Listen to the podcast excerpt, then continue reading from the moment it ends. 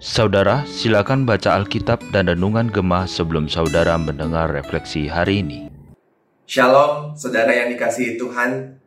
Kita bersyukur boleh kembali merenungkan sedikit dari firman Tuhan. Mari kita berdoa sebelum kita membaca dan merenungkan firman Tuhan. Bapa kami yang di surga, kami bersyukur untuk setiap anugerah dan berkat-Mu dalam kehidupan kami.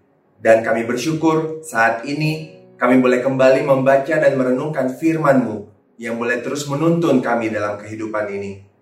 Kami berdoa Tuhan supaya Engkau yang terus memberikan hikmat kepada kami. Ketika kami membaca firman-Mu, kami pun boleh memahami apa yang Tuhan sampaikan kepada kami. Dan biarlah kami pun boleh terus menjadi pelaku-pelaku firman sesuai dengan kehendak Tuhan. Terima kasih Tuhan. Dalam nama Tuhan Yesus kami berdoa. Amin. Saudara, hari ini kita akan membaca dari Nehemia pasal yang keempat dan saya akan membaca dari ayat yang ke-15 sampai ayatnya yang ke-17. Nehemia 4 dimulai dari ayat yang ke-15. Ketika didengar musuh kami bahwa rencana mereka sudah kami ketahui dan bahwa Allah telah menggagalkannya, maka dapatlah kami semua kembali ke tembok, masing-masing ke pekerjaannya Sejak hari itu, sebagian daripada anak buahku melakukan pekerjaan dan sebagian yang lain memegang tombak, perisai, dan panah dan mengejakan, mengenakan baju sirah. Sedang para pemimpin berdiri di belakang segenap kaum Yehuda yang membangun di tembok. Orang-orang yang memikul dan mengangkut melakukan pekerjaannya dengan satu tangan dan dengan tangan yang lain mereka memegang senjata. Demikian firman Tuhan. Saudara, dalam bacaan hari ini kita melihat bahwa keberhasilan Nehemia dalam memimpin bangsanya untuk membangun kembali tembok Yerusalem ternyata tidak berjalan mulus. Bangsa-bangsa di sekeliling Yehuda pada saat itu menjadi iri dan marah atas pembangunan tembok Yerusalem ini. Mereka mengganggu jalannya pembangunan dengan cara menghina dan membuat rencana untuk menyerang Yerusalem.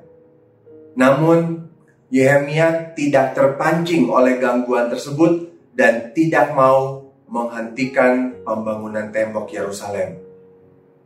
Dalam kondisi penuh tekanan, Nehemia justru berdoa dan melihatnya dari kacamata rohani. Nehemia sadar bahwa bangsanya adalah umat Allah. Karena itu, segala hinaan kepada mereka merupakan hinaan kepada Allah juga. Dengan hikmat Tuhan, mereka tetap melanjutkan pembangunan tembok Yerusalem. Meskipun lelah, mereka tetap memiliki semangat. Mereka berdoa sambil bekerja. Bahkan mereka juga berjaga-jaga dengan senjata seadanya. Mereka berhasil mengetahui rencana musuh dan membuat berbagai persiapan untuk mengatasinya. Dan dengan demikian, rencana musuh untuk menyerang mereka gagal. Hal ini disadari sebagai pertolongan dari Allah sendiri. Mereka sadar Allah lah yang telah menggagalkan rencana musuh umatnya. Saudara sebagai umat Allah mungkin saat ini kita juga sedang diganggu dan diserang oleh musuh kita yaitu iblis dan para pengikutnya.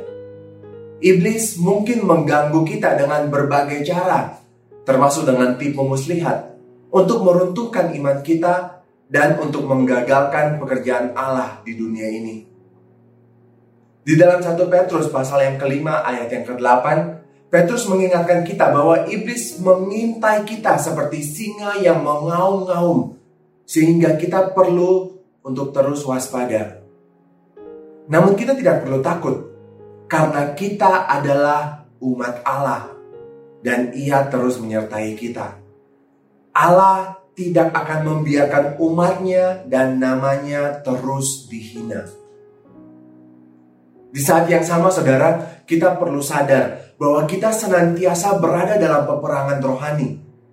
Dalam Efesus pasal yang ke-6 ayat 11 sampai 20, Paulus mengatakan bahwa perjuangan kita bukan melawan darah dan daging, tetapi melawan penghulu dunia yang gelap ini dan melawan roh-roh jahat. Karena itu saudara, kita perlu aktif terlibat dalam peperangan ini dan mengambil seluruh perlengkapan senjata Allah yang telah disediakannya bagi kita. supaya kita dapat bertahan melawan tipu muslihat iblis. Saudara, sambil melakukan pekerjaan sehari-hari, apakah Anda telah mengenakan senjata rohani yang membuat Anda sanggup melawan iblis? Apakah Anda waspada terhadap tipu muslihat iblis dan telah melatih diri Anda untuk menggunakan senjata rohani yang telah diberikan Allah untuk melawan tipu muslihat iblis? Mari kita berdoa. Bapak kami yang di surga, kami bersyukur Tuhan sekali lagi untuk firman-Mu dan kami bersyukur bahwa Tuhan yang telah memberikan segala senjata rohani yang kami perlukan untuk boleh melawan segala tipu muslihat iblis. Kami mohon supaya Tuhan yang terus menolong kami, Tuhan yang terus menguatkan kami, Tuhan yang terus meneguhkan kami, supaya kami boleh bertahan dan bahkan kami boleh tetap setia kepada Tuhan sepanjang umur kami.